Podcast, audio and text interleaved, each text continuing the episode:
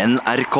Heinrich Jung er en anglofil tysker som ble økobonde i Hedmark. Nylig fikk han Matprisen 2019 for sine økologiske svin i skogen. Ti år gammel, uten erfaring, bestemte han seg for å bli bonde, og veien til målet har gått via skolering i Tyskland og tømmerkjøring med hest i Skottland. Dette er Drivkraft med Vegard Larsen i NRK P2. Heinrich Jung, hjertelig velkommen hit til Drivkraft. Takk for det. Du, eh, jeg må bare Du må bare si Heinrich. Hvis du sier Jung, så snur jeg meg rundt og ser om pappa står bak meg. Ja, okay, Det blir Heinrich fra nå, da. ja. Det er viktig å være litt sånn høflig i starten av en samtale. Ja. Du, du har en eh, eh, særegen eh, dialekt. Det må jeg si. Eh, Jeg er rimelig sikker på yes. Ja. Så, så bare sånn for, for lytteren sin del, hvor, hvor, den, er, den er tysk i bunnen, eller? Ja, jeg, jeg er født og vokst opp i Tyskland. Ja. Uh, men uh, ja, etter litt reising så I 1984 da flyttet vi fra Tyskland til Skottland. Så siden 1984 er jeg utlendinger. ja. Og så har du bodd i Norge siden 99, eller 98? Eh, 96 kom vi til, til Norge. Yes. Ja, ja. Mm. Eh, men du, du er bonde. Yes. Eh, hvordan starter en eh, helt normal dag for deg? Mm, men hel, det starter med, med, med frokost, og så Når, når står du opp? Eh, Ikke så veldig tidlig, fordi vi driver med frilansgris. Ja. Eh, og så og ammekuer og hester. Det er de dyr. Vi har nesten alle dyr på fri tilgang til mat hele tiden. Så um, dem også står opp når det passer dem. Eh, og grisen har ingen intensjon å stå opp da det er fortsatt mørkt klokka sju nå. ikke sant? Som, som, det er enkelte få som har litt, litt lyst til å gå ut og uh, ta seg en liten tur fram til fôrstasjonen og spise litt og drikke litt. Og så, men andre syns det er helt greit å ligge i, i halmen i hytte fram til klokka ni, eller noe sånt. Så det, De- de er er ve veldig avslappet. De er som oss. Yes. Ja. Og også veldig forskjellig. Enkel, enkelte er A-griser, andre er B-griser. A- og B-griser. Ja, det er. Er det er, Merker man det? Altså for, veldig forskjell på uh, lynne og væremåte? Uh, ja, altså den, Dyrene kan jeg ikke snakke, men hvis man klarer å lytte til dem, det er utrolig mye de forteller og kommuniserer. Hva kan de fortelle da? Um, vi for eksempel uh, bare hva de vil.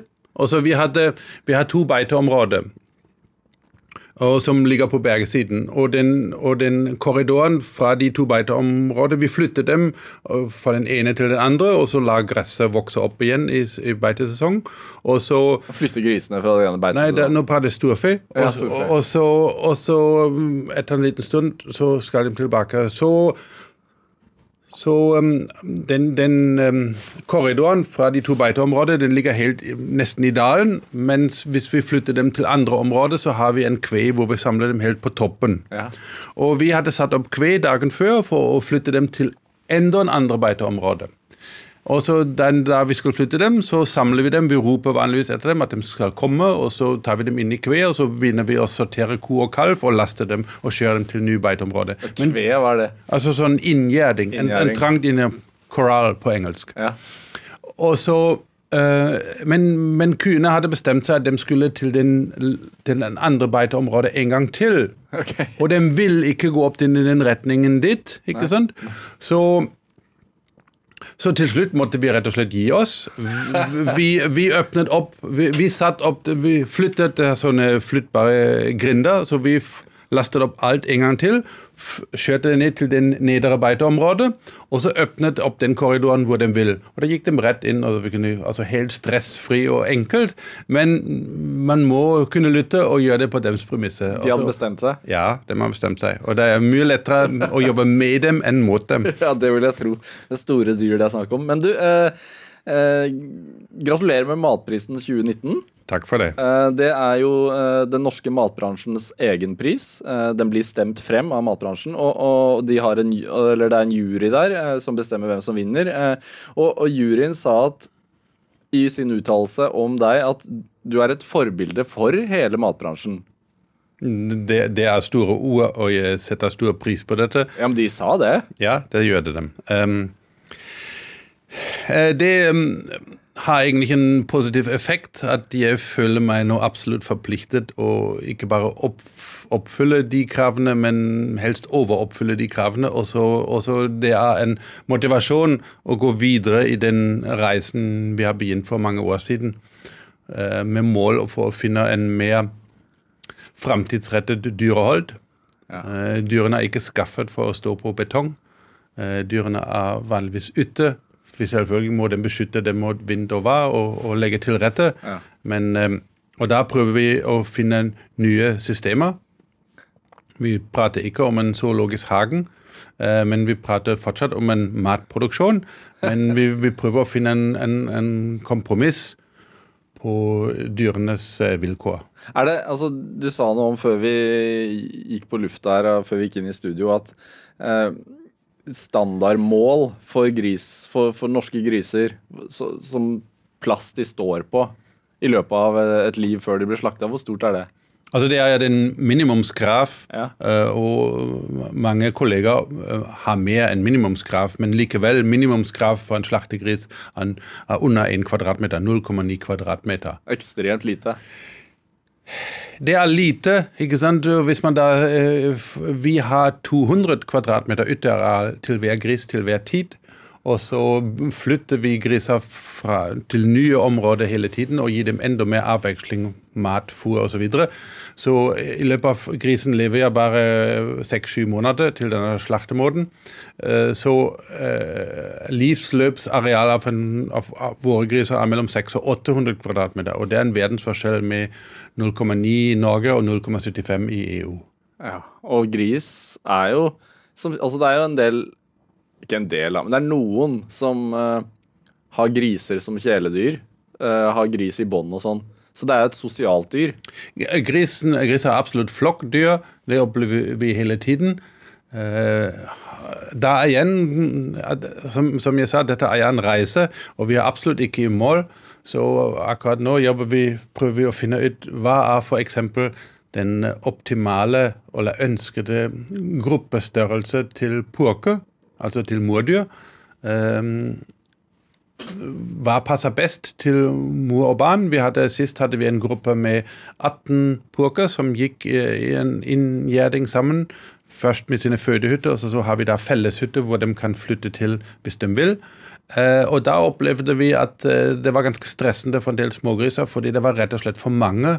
Nå prater vi om nesten 180 smågriser som gikk rundt i den inngjerdingen, og da var det um, vanskelig for en enkelte smågriser å finne tilbake til moren, ja. fordi det var så mange andre dyr rundt omkring.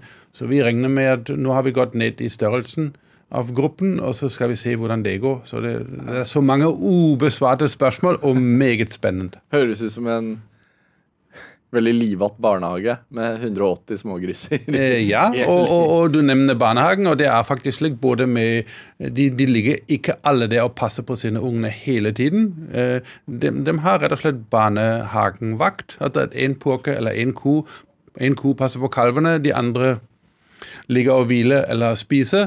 Eh, det samme med purkene. Det er flere som passer smågriser. Andre går vekk og spiser eller drikker eller tar seg en tour eller noe sånt. Så det er, ja, det, er fascinerende. Ja, det er fascinerende å se. Ja. Altså, um, hvilke produkter produserer du på gården din? Vi har um, for moderne landbruk ganske uvanlig stort spektrum. Vi produserer uh, Og alt vi produserer, er økologisk. Ja. Så jeg har ingen parallellproduksjon. Alt er økologisk. Ja. Så vi produserer uh, korn til mat og fôr.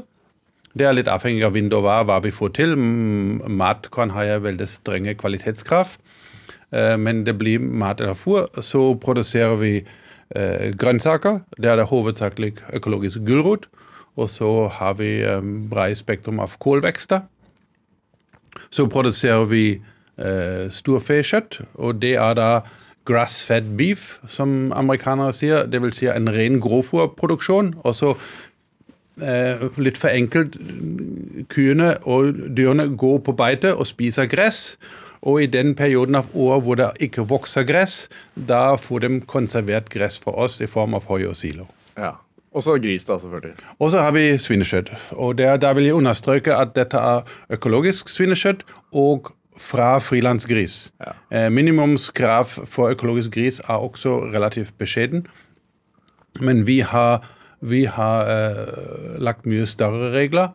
Eh, også Grøsta Gris har lagt mye større regler, men under Brand Heinrich Jung eller Kolonihagen da har vi de tilsvarende regler, og vi vil gi dem mye plass. Hvorfor er det så viktig for deg å gi de plass, da? Griser er veldig nysgjerrig dyr, og um, av de problemer i moderne grisehold er det liggesår og halebiting. Det er de to store problemer. Og halebiting er ja en, en rop fra grisen om hjelp. Ja. Den lever i sin liten binge, har, har alt. Har vann, har fôr, ikke sant? har nok varme. Eh, vanligvis god luft, altså ålreit luft pga. ventilasjon osv. Men det er ingenting å gjøre hele dagen. Han kjeder seg. Og så til slutt er det så kjedelig at han får ingenting annet å gjøre enn bite en naboen i halen. Og, og så blir det da sår, og så blir det infeksjon, og så eh, det, Dette er ikke bra. Det er, det er et stort problem. Uh, vi har ingen halebiting. Grisen har rett og slett ikke tid å drive med noe sånn, fordi vi skaffer masse utveksling ute.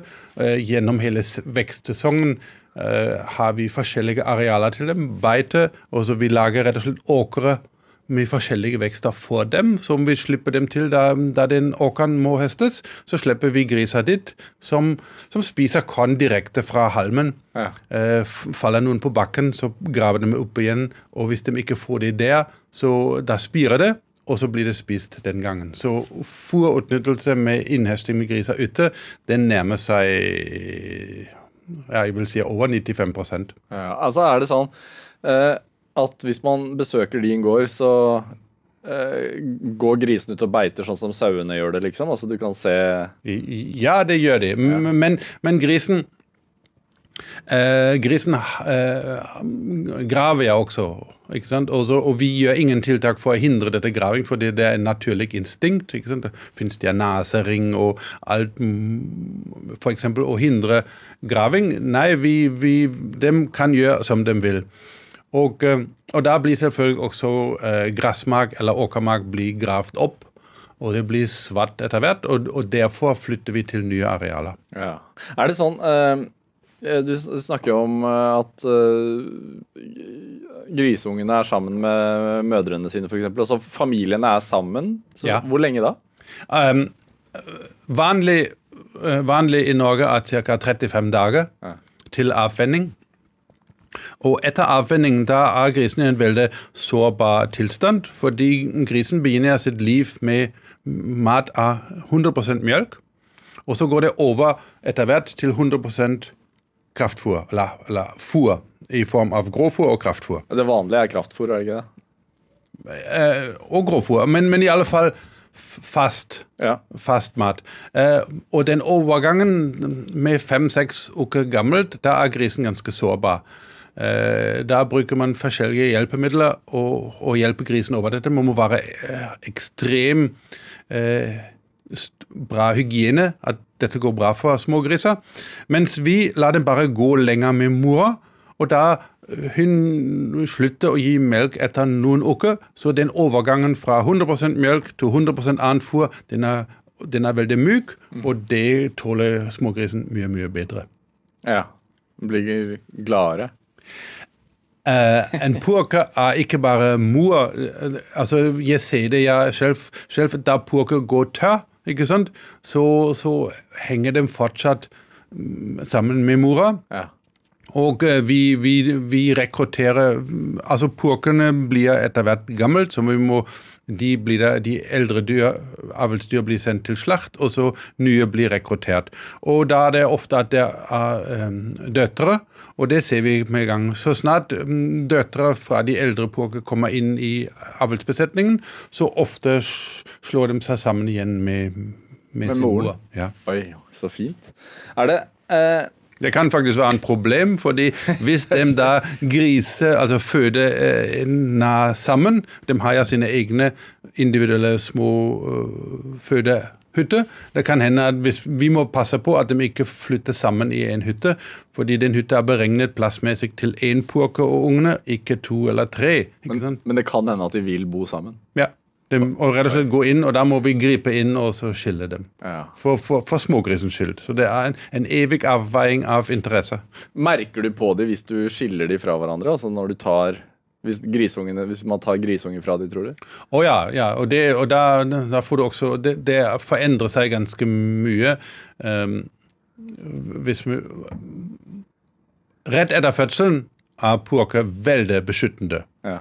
Uh, og det holder fram til noen dager, så er vi mer til normal.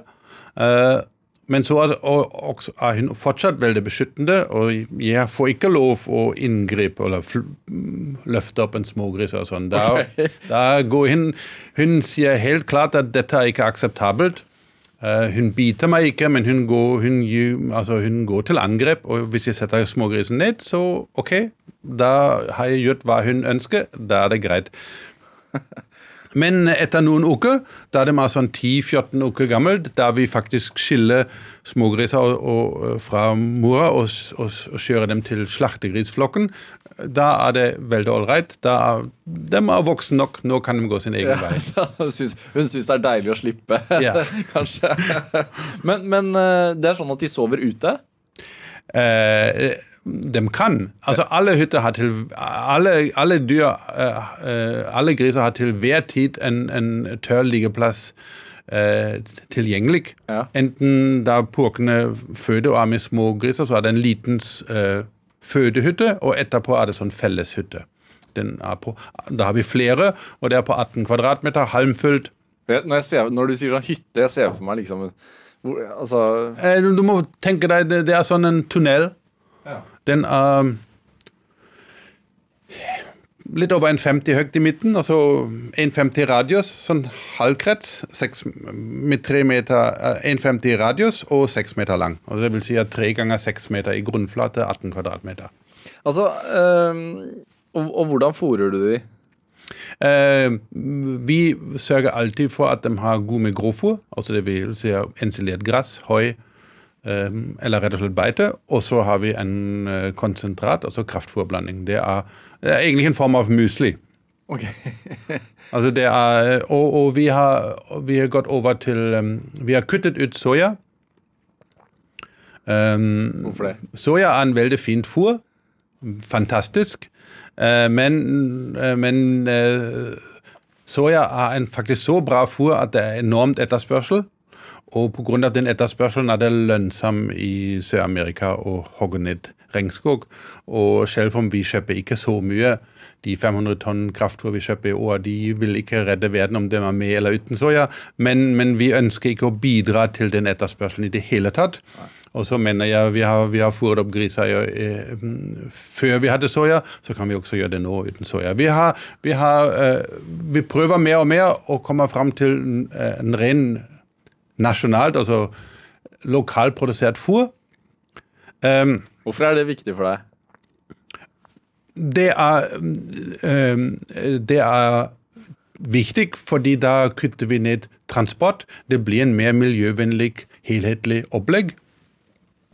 Uh, dessverre er det for lite interesse i norsk landbruk og ikke nok legge om. Så vi er nødt vi er nødt til å importere eh, kraftfôr, eller fôrråvare, vi fint kunne dyrke selv i Norge. Er, altså, det virker jo som du er veldig glad i disse grisene dine. Ja, det er jeg. Er det, hvor mange har du?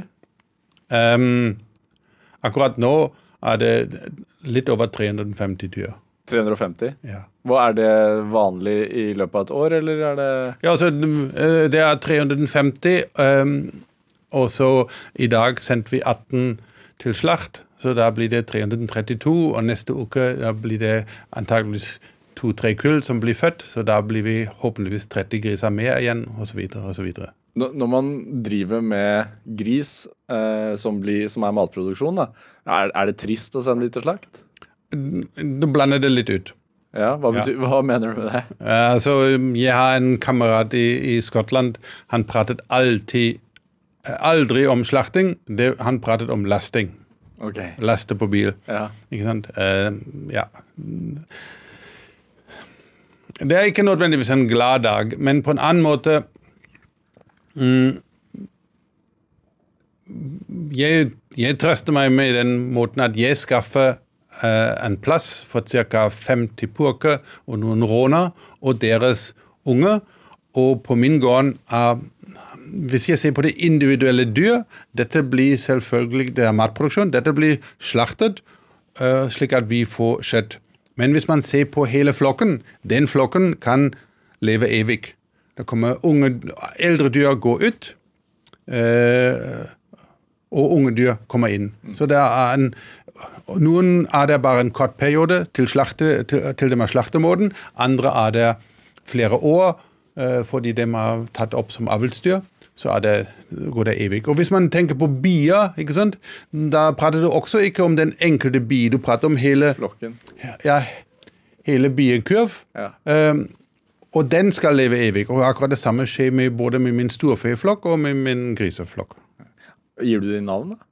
Uh, nei, jeg har problemer. Vi produserer ca. 800 smågriser i år, og jeg har store problemer å finne 800 navn per år.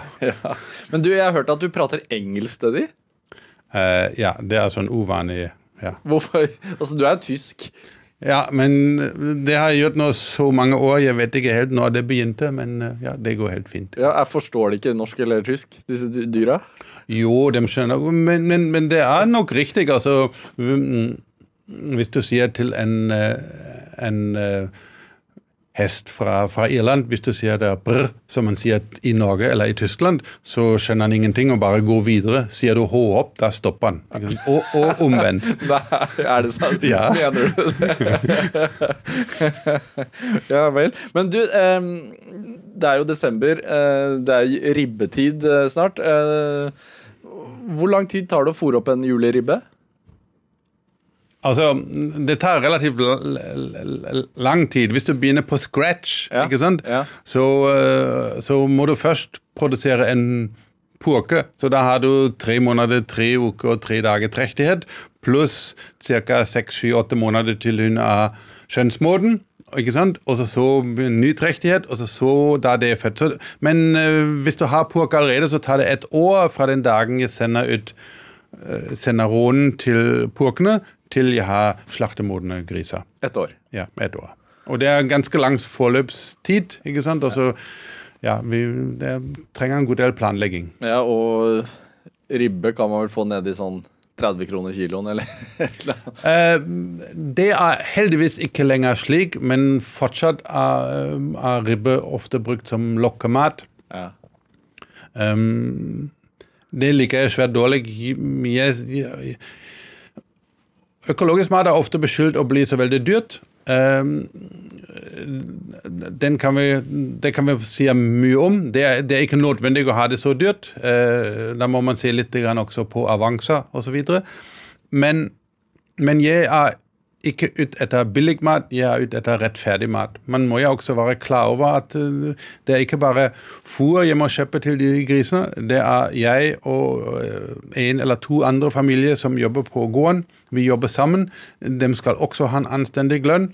ikke sant? Og så um, Det med sosial dumping det overser man veldig fort hvis man står i butikken og bare sammenligner priser.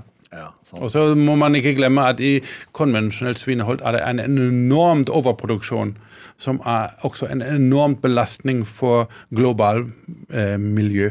Ja, det, det, det må vi prate mer om. Men, men tenker du, altså i forhold til ribbe og, og grisen, tenker du at dine griser smaker annerledes? Ja. Ja. De smaker annerledes. Altså eh, Vi har bare rene varer i fôr. Eh, de, er, de er ikke utsatt de er, de er utsatt frisk luft hele tiden. Det lukter ikke gris. Eh, de har mye mer bevegelse. De er heller trent. Eh, vi også har en, eh, en innblanding av raser som gir mer intramuskulær fett. Vi bruker veldig mye Duroc. Så vi fikk ja i i fjor terningskast seks i sånn ribbekonkurranse. Okay. Det var veldig gøy.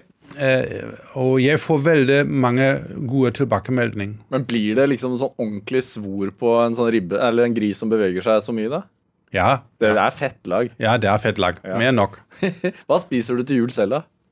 Vi spiser filet Wellington. Nei, biff, altså. Ja. Hva, hva, hva, du, er, du er grisebonde? Jo, men Nei, jeg, jeg, jeg pleier å si at jeg er bonde. ikke sant? Vi har jo også egen storfe, og det er også veldig godt.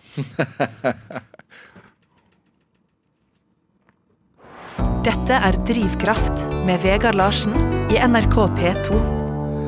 Og i dag så har vi økobonde og vinner av matprisen 2019, Heinrich Jung, her hos meg. Nå sa jeg Jung igjen, altså du må bare bli vant til det. At jeg, jeg bruker etternavnet ditt i tillegg. Altså, du, du er jo opprinnelig fra Tyskland. Hvor i Tyskland? Eh, Jeg er fra Karlsruhe. Det er en fin by i sør- sørvest-Tyskland, ikke langt unna fra, grensen til Frankrike, i Rindalen. Og, hva var moren og faren din bønder? Nei, både mamma og pappa var begge arkitekter. Så du, har- du har ikke vokst opp på en gård? Nei, jeg har ikke vokst opp på en gård, men uh, fetteren til mamma hadde en stor gård i Vestfalen, i, i Nord-Tyskland. Og, um, og da var jeg mange ganger på ferie. Sånn, så jeg regner med at min store interesse det kommer nok fra den gården og onkel Alfred. Ja. Kan du huske hvordan det var å besøke gård som barn? Altså, er det eh, fra der, din by, altså, for du vokste jo opp i en by, Ja. ikke sant? Og, og så reiste du på ferie til gården til onkelen din? Ja, altså egentlig var det Jeg, jeg er født i byen, rett i Karlsruhe. Ja. ikke sant? Eh, og så, da jeg var tre, så flyttet mine foreldre ut av byen og, og uh, hadde et hus um, ja, på skogskanten. Og da var det f.eks. én kilometer å gå til neste, neste landsby. Ja. Så da jeg kom til skolen, så da, da hadde jeg alltid en én kilometer å gå gjennom mark og og over åkre osv. Um, og så da jeg var ti, så flyttet vi tilbake til byen. Um, men da kom det allerede en stor interesse i landbruk. og For, jeg- for deg? ja, og jeg var- Hvorfor det? Eh, Altså, ferie det var for meg å reise til, til onkels gården, min onkels gården. Og um, så var jeg så håpløs på engelsk, og da um, Og jeg ville tilbake til min onkels gård, men min mor organiserte noen at jeg kunne, da, jeg kunne reise til England, til en gård i sted. Så Karlsruhe og Nottingham det er vennskapsbyer. Og i 1970 to, det var før Storbritannia kom inn i, i, i EU. Um, da var det mye utveksling mellom de to byer. Og så i 72 var det også åpnet opp for ungdommer. Så jeg og en gutt til, um, vi var de første som reiste fra Karlsruhe til Nottingham. Og da var du 15. Da var jeg 15. Og med den familien har jeg fortsatt kontakt i dag. Ja, og, det, og det var en gård også du kom til? Det var en stor gård, ja. Ja. Hva hadde de for noe dyr der, da? Uh, de hadde også gris og sau, og så stor kornproduksjon. Ja, det var Peter Limb. Jeg bare tenker sånn, altså Du vokser opp med, med foreldre som er arkitekter. Det, det må jo være egentlig altså det, det er jo fristende for veldig mange å bli arkitekt. Det er ikke så fristende for, mange, eh, for, for så mange som ikke har Som vokser opp i en bondeslekt, å bli bonde. Nei, for dette gikk helt, eh, helt smertefritt naturlig. Jeg hadde den ønsken, og så satt meg dette som mål, og så Ja. Hva, hva var det som var så spennende med det? da? Eh, Det er, det er, um, det er dyr, det er hester, det er store områder, det er å, å gå og fiske, det er å være ute. altså det bare, Også det hele miljøet på landsbygda er så fint. Ja. Hva, hva sa moren og faren din da da du sa ti år gammel at nei, jeg skal bli bonde? Helt greit. Helt greit. Altså, øh, jeg var veldig heldig med mine foreldre. ikke sant? Vi fikk ja bare støtte. Ja. Vi har to brødre. Og vi kunne ikke gjøre noen feil, vi fikk bare støtte. Det var veldig gøy. Ja. Ehm, men hvorfor eh, endte du ikke opp med en gård i Tyskland? Um, I Tyskland hadde jeg øh, fri handel av landbrukseiendommer, det samme i Storbritannia. ikke sant? Og da er det største sjekkbok vinner. Ja, okay. Eh, og de er i, ikke så mye i Tyskland, men de større, det er mange store gårder i, i Storbritannia. Og da er det en enorm gjeldsbelastning, og det hadde jeg rett og slett ikke lyst til. Og så kom jeg egentlig eh, litt tilfeldig til, fikk jeg kontakt med Norge. Hvordan fikk du den kontakten da? Uh, jeg hadde um, i Skottland eh, begynt selvstendig næringsdrivende, og jeg fant min nisje. Jeg drev i skogbruk, og jeg fant min nisje med tømmerkjøring, tømmerkjøring med hest. Altså hele, hele innhøsting. Felling, felling av, tre, av tre og framkjøring med hest. Og du gjorde det manuelt? Vi gjorde det, i den, det var uh, motormanuelt høsting, ja. Ja. Hvorfor, hvorfor ikke med firehjulstrekker? Uh, den, den skaden på, på, på mark er helt utrolig. ikke sant? Også spesielt hvis du er i områder med stor nedbør. Så uh, da kom, Og så mm, var vi alltid for dyrt. Men så kom heldigvis det kom en lov i Storbritannia som gjorde de som forurenset vann, også økonomisk ansvarlig for dette. Og plutselig og så um, plutselig var jeg ikke lenger for dyrt, fordi vi hadde en skogdrift som hadde rent vann og, og ikke avrenning, og så var veldig miljøvennlig. Og det var, et, selv om vi var dyrere per kubikkmeter tømmer, så var det fortsatt billigere enn å betale den straff som hvis du får urenset miljø. Oh, ja. Og så siden dere øh, Og- og gjorde da- det med hest, f.eks. Ja, og så- da hadde jeg bygd opp til Vi hadde tre hester. Tre hester i full drift, pluss sju som jobbet med motorsag. Så det var en veldig fint gjeng som var der sammen og jobbet sammen. Hardt arbeid, da. Ja, det er det. Men uh, veldig givende, og så spesielt jobbing med hest. Du kan ikke prate til en traktor. Man kan, man kan. Ja, noen kan det kanskje. Det kan jeg ikke, nei. Ja, og så gjennom tømmerkjøring, da så jeg også Hadde jeg egentlig alt utstyr um, kommet fra Skandinavia. Uh, og og um, da kom jeg Jeg vil vite mer om Det var lett å se at i Skandinavia fantes fortsatt rester av tømmer- tømmerkjøring. Men i Storbritannia var det borte, og i Tyskland var det også nesten borte. Det var litt i Belgia og Frankrike. Men så var det nærmest å reise til, til Skandinavia, og det, det hadde jeg også sett på Elmia Wood før, at de hadde meget effektive systemer. De hadde små hester, men meget effektive systemer. I Skandinavia. Ja. Ja. Eh, og, og da organiserte jeg en studietur for å besøke produsenter av hesteutstyr. Altså både uh, sel, seletøy og vogner og um, lundedrag osv. Og så besøkte jeg også hestekjørere som jeg visste om. Og en hestekjører, eller en, en, to brødre, eh, Tor Anders og Dag Tore Syversen, som, som bor på Flisa, de var mye omtalt i en engelsk magasin om, om arbeidshester. Så da tok jeg kontakt. Og eh, det var i 93 at vi kom for første gang. Og eh, det er en av de sjelden at du Jeg, jeg møtte han, og, og vi var venner in, instant. Altså okay. umiddelbart. Jeg- hvor, hvordan, fordi dere delte samme interesse, da? eller? ja, jeg vet ikke, altså Etter jeg hadde besøkt han og pratet med han den ene kvelden, så, så, så da var, gikk jeg egentlig med inntrykk at jeg hadde kjent han hele livet. ikke sant? Så det var, vi var, det var veldig fint, og vi er fortsatt veldig gode venner.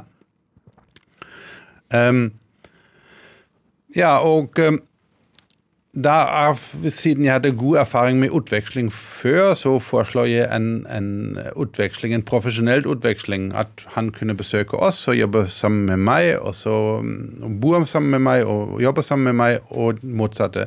Og um, to år senere um, hadde vi det på plass. Jeg reiste faktisk til Flisa og jobbet med hans hester i, i Finnskogen. Og du, Anders har et småbruk, og det var en helt ny versjon. Eh, Det var bare en liten eiendom, ehm, og, og da klikket det for meg. Dette er løsningen. Her kan jeg kjøpe meg en liten gård, her kan jeg være, drive med landbruk. Her har jeg ikke, eh, blir jeg ikke gjeldsslave, og så fortsetter jeg eh, i skogen som jeg har gjort nå i flere år før. Så da endte du opp i Hedmark. Ja. Ja. Er det, du eh, du flytta jo ikke aleine, da. Du eh, tok med deg kone og tre barn. Ja, det er riktig. ja. Hvordan, altså, hvordan var den samtalen hjemme i Skottland, der dere bodde da, før dere bestemte dere for å dra til Norge og, og, og Arnaberg i, i Hedmark? det var selvfølgelig ganske drastisk forandring. ikke sant? Vi hadde, vi hadde kjøpt et hus, alle tre barn. De barn var da mm, eh, åtte, ti og tolv. Ja. Eh, og da vi, ja. Og så eh, hadde vi en liten bedrift, og alt var egentlig på plass, så det var ingen grunn til å flytte. ja. Eh, Men men pappa har han har ønske om grisehold i Norge, så nå skal vi dra. Eh, ja, i alle fall å ha en liten gård, og, og dette var nok en kom ganske nær en drøm, så jeg foreslår dette. Det var møtt med en del skepsis, men, men så reiste vi Barbara ville absolutt se dette på forhånd. Så da gjorde vi en reise i november. Ja, og da hun er eh, veldig tålmodig og støtter meg, så var vi enige om at dette skal vi prøve. Ja. Er det Tenker du at det er godt altså en, for en familie da, på, på fem? Er det sånne prosjekter, er det en god ting? Em,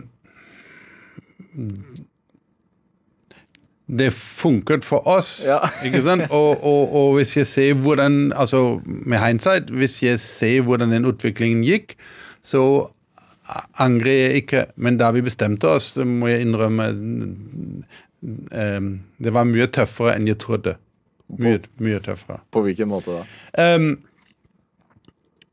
først og fremst, det koster utrolig mye penger å laste opp fire hester og selge hus og, og, og, og, flytte fra, fra Skottland til, til uh, Skandinavia. Um, det tok lang tid til vi fant et eiendom. Jeg innbilte meg det var mye lettere. bare etter noen få uker har vi, et, har vi en, lille gård, en liten gård, og så går det videre. Så, men her har vi ja konsesjon, Ja. ikke sant? Ja. Uh, og odel. Så å kjøpe en eiendom utenfra og forberede alt, det var ikke mulig. Så vi måtte bare hoppe inn i det kalde vann, og, og det gjorde vi. Og jeg husker den dagen at jeg måtte underskrive salg av, av vårt hus, og hadde ikke ennå fått oppholdstillatelse. Så da følte jeg meg litt sånn um, på frifall uten fallskjerm. ja. Men den kom heldigvis noen da, få dager senere, så, så det gikk nok bra. Men det må jo ha vært litt sånn tøffe dager i starten også, med opp, på oppstart og Altså, da fikk vi, fikk vi Jeg fikk utrolig mye hjelp fra Tor Anders. Ah, ja. uh, han, skaff, han hadde skaffet oss et hus vi kunne leie med stall. Han, hadde, han ga oss i ja, en hele startfasen fikk, vi, fikk jeg arbeid fra han. Jeg kunne ikke et ord norsk, så um, jeg kunne bare tysk og engelsk. Så og, engelsk kommer du langt eh, i Oslo, men på landsbygda er det flere som vil heller prate norsk, så da var det absolutt nødvendig å jeg måtte også gå på norskkurs. Så å, å kombinere norskkurs med en tidskrevende jobb, det var ikke så lett, men det gikk etter hvert. Men det må jo ha vært en Altså, den drømmen i deg må jo da ha brent ganske kraftig, siden Ja. du, du gjorde alt dette. Ja, ja og det er gøy. Altså, den, den, den gården vi fant til slutt, det er absolutt en perle. Uh, det ligger i Glåmdalen. Uh, ligger, mm, men det ligger litt avsidig likevel. Det er uh, en sideelv til Glomma gjør sånn sløyfe som en hestesko, og, og vår gård ligger midt på den lille sløyfa. Så vi, vi bor nesten på, som på en halvøy. Hva slags paradis da for deg. Ja, og vi har beva bever som nærmeste naboer. Så Ja. Er, er eh, kona di involvert i grisehold også, eller? nei, um, hun, hun er fysioterapeut. Ja. Har barna vært involvert i gårdsdriften, da? Ja, dem, dem har jeg hjulpet til veldig mye. Eh, frivillig og noen gang ikke helt frivillig. men, men den var veldig grei. Um,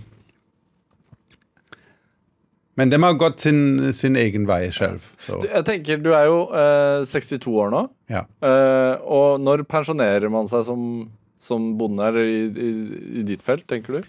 Altså Min etternavn er ja, som du sa nå flere Jung, ganger. Jung, og Ja. det er tyske versjon av Ung. Ja. Så slik føler jeg meg. Så, 62 år gammel ung. ja. Ja. Men pensjonering er egentlig ikke tema. Nei. Nei. Men, eh, men jeg eh, Men det er ikke helt riktig. Um, jeg har um, veldig gode medarbeidere, og vi har egentlig har det veldig gøy og så jobber veldig bra sammen. Og jeg leter etter en medarbeider til. Eh, både for, fordi vi har så mye å gjøre, og så vil jeg begynne med en prosess at jeg kan trappe ned litt. Grann. Ja. Så hvis jeg kunne etter hvert innføre en 40 timers uke for meg, så vil det være deilig. Hvor mange, hvor mange timer er uken nå? Eh, Noen flere. og bare være sammen med hestene dine, da. Det er det som er målet, kanskje.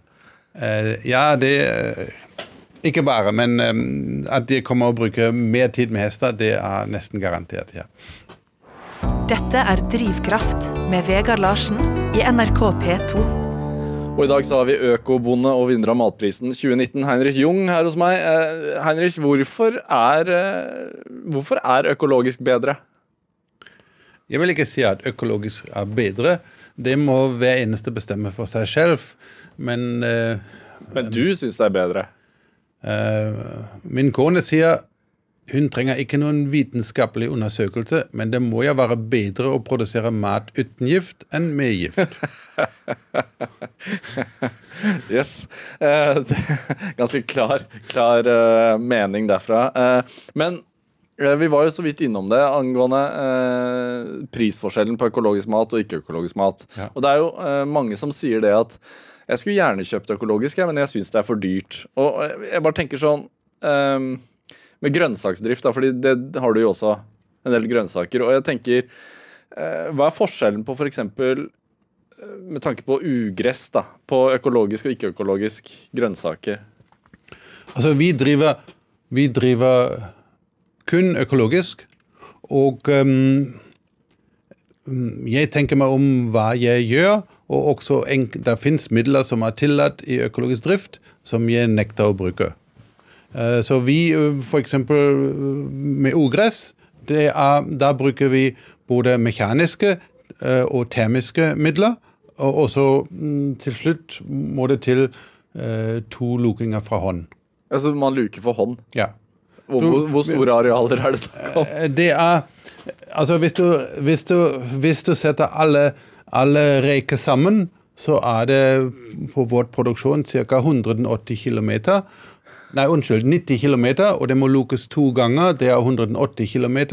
Det er, og, det, og det er som å gå på kne fra Flisa til Drammen. Nei. Er det, må, det Og det må skje i løpet av en seks uker periode, så det sier seg selv at det er ingen sjanse å engang tenke på at de gjør det alene. Det kommer hvert år en lokemannskap. Um, Men du har ikke sommerferie? eh, nei, jeg har ikke sommerferie, og, og det savner jeg ikke, fordi i den perioden er det er skjer veldig mye, og det er veldig spennende. Så vi har kjøpt sånn lokevogn, ikke sant, slik at eh, jobben blir litt lettere. Eh, og da kjører man med ja, knapt 300 meter per time, og- og så ligger alle lokere på en stativ, Ja. og så blir kjørt over, eh, over eh, gulrotrekene, og så tar vekk de ugress. Men er, var det noe sånn at øh, hver femte økologiske gulrot eller noe sånt er din? Nei. Ja, altså, i Bama-system Ja. Ba- I Bama-systemet finnes det også mm, dyrkere som dyrker for Coop, men i Bama-systemet er det fem økoprodusenter, gulrotprodusenter. Og det er ikke helt likt, men omtrent. Altså jeg er en femtedel av Bamas produksjon. Ja, så selv om jeg eh, ikke hadde hørt om Heinrich Jung før jeg så at du hadde fått matprisen 2019, så er det god sannsynlighet at jeg har spist et av dine produkter. Ja, og, og, og øh, grossistene har vært i de siste årene mye flinkere å, og jobbe med sporbarhet, og så skriver faktisk produsentens navn på pakking. Ja. Er, det, det, er det en god ting? Absolutt. Jeg syns, jeg syns det er veldig viktig at forbrukere vet hvor varene kommer fra. Ikke sant? Og da eh, er jeg ikke så opptatt av, eh, av eh, koder eller sånn. Den første gulrotemballasjen vi lagde selv, da skrev vi rett og slett navn, adresse og, og telefonnummer venstre i nederste hjørne, så, og, og, og, flere kollegaer spurte meg at jeg tørte. Jeg sa jeg har bare fått noen positive tilbakemeldinger, ikke en eneste negativ ja, for det, det skjedde at noen ringte? Ja. Ja, ok. De fikk, fikk, ringte og så sendte SMS og, og, og, og ta, altså helt villfremmede mennesker som jeg verken før eller etter har jeg noen gang sett og pratet med, uh, ringte eller sendte SMS og takket for gode gulrøtter. Det, det, det, var veldig morsomt. Ja, det skjønner jeg. Du, uh, jeg tenker sånn uh, Det er jo noen sånne skjønnhetsprinsipper i butikkene. Uh, F.eks. med blomkål. da, så man får ikke kjøpt gul blomkål i butikkene i Norge. Nei. Uh, den, den, skal være hvit. Den skal være hvit, yes. men, men, gul er en helt naturlig blomkålfarge. Uh, ja, det er bare sollys som gjør dette. Altså, Blomkålen er ja kapslet inn fra bladmasse, ja. ikke sant? og så vokser den og vokser den, og så til, til slutt ser du den hvite blomkål som kommer ut. Og da, da går vi inn i åkeren og legger over et, knekker et blad eller to, slik at det ikke får så lys på seg at den fortsatt blir hvit. Ja, Men den smaker helt lik som gul? Ja, helt riktig. Men du får ikke solgt gul blomkål? Nei, det er en krav at den blir øh, øh, I det økologiske er kanskje kravene litt redusert. Men hvis den er gull, så, så blir den ikke solgt. Og det har jeg sagt mange ganger.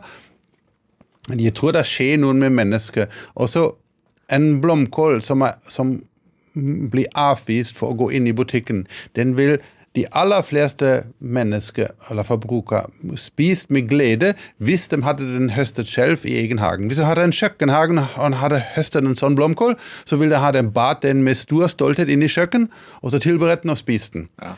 Da den, da den først går inn i en matbutikk hvor, på grønnsaksdisken hvor snart alt er pakket i glans, glansende plastikk, da, da, må den ha en, en, en, en, kvalitet som er vanskelig å oppnå. Og, og, og, for å oppnå den kvaliteten blir en god del mat kastet. Hvor mye mat må du kaste? Altså, vi, vi, vi, kaster ingenting. For oss blir det i beste fall uh, dyrefôr. Men, uh, men i Altså Fra 100 småplanter jeg planter, så får jeg mellom 50 og 55 blomkål jeg kan selge til butikken. Um, I år hadde vi til restauranter. Da la vi langt over.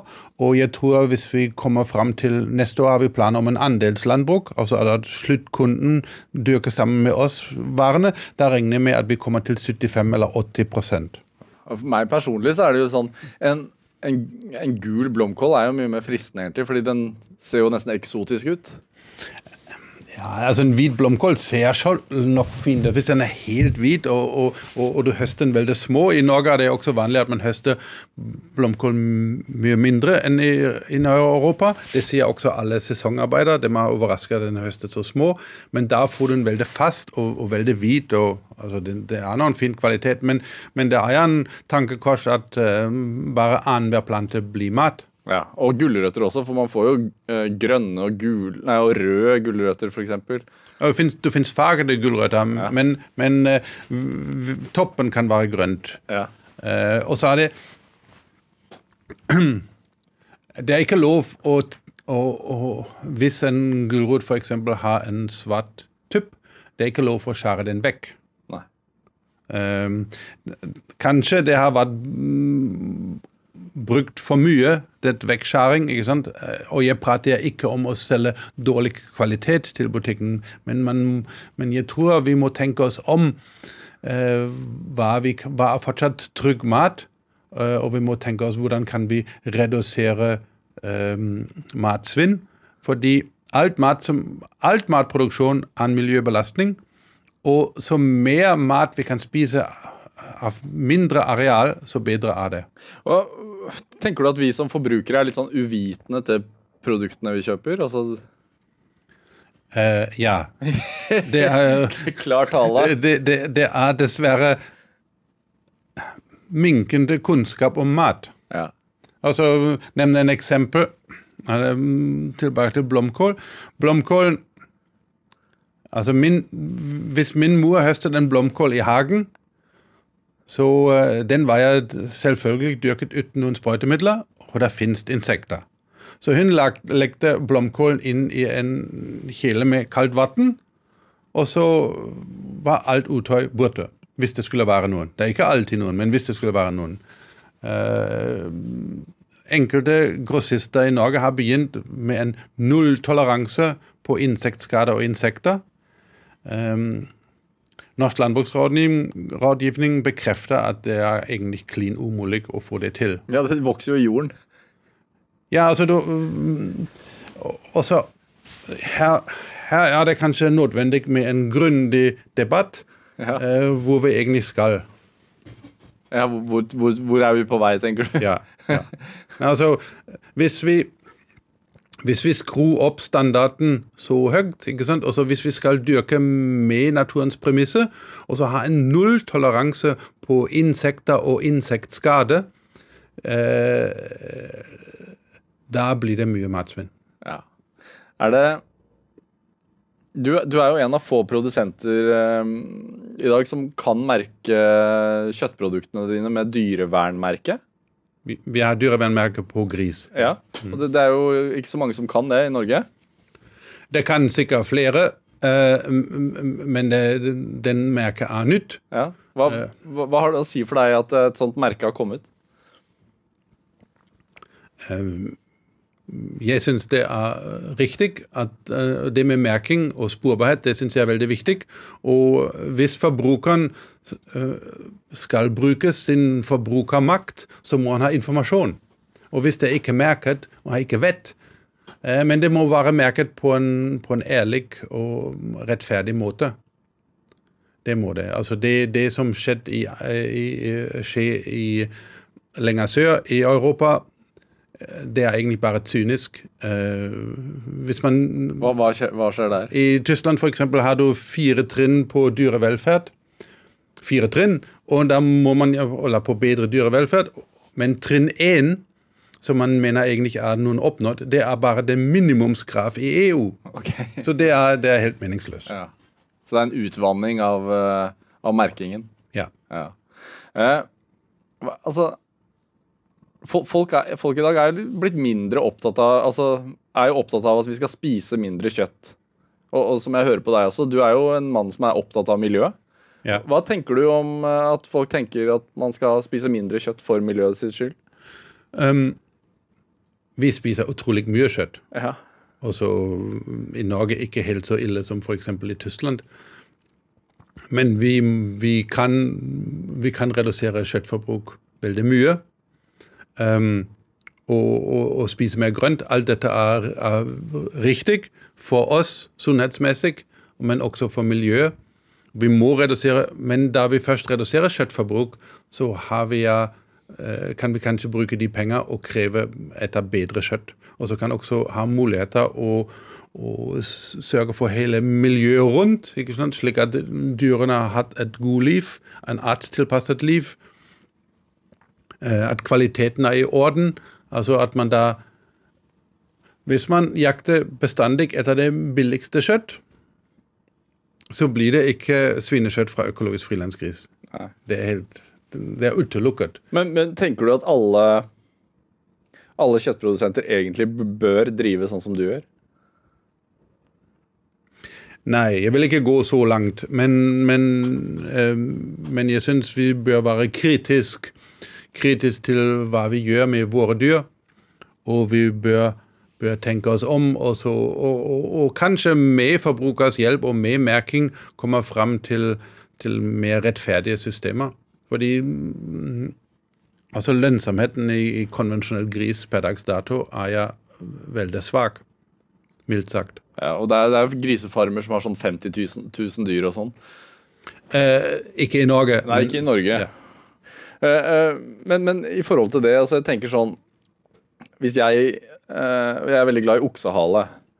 Eh, hvis jeg skal ha oksehale, så får ikke jeg kjøpt det på butikken min. Da må jeg på en spesialslakter. Hvorfor er det så vanskelig å få tak i hele dyret? Veldig godt spørsmål. Jeg kan bare si et veldig godt spørsmål, og det er noen jeg har prøvd å jobbe med i mange år.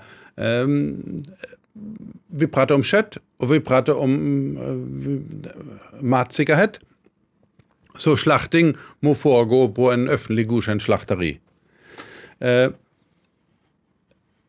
men så har det etablert seg systemer at man får en standardisert Hvis, hvis jeg f.eks.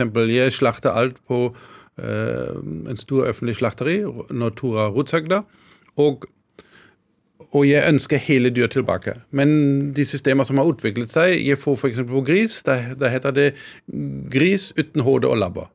Så hvis, en, hvis en, en, av mine kunder ringer meg i førjulstid og vil lage egne sylter, og da må jeg skuffe dem hver gang, fordi jeg må si at hodet er ikke med. Nei, man, Syltelabber går heller ikke. Nei. nei. Og at man ikke får det på plass, det mener jeg er en uting. Beklager at jeg sier det rett ut.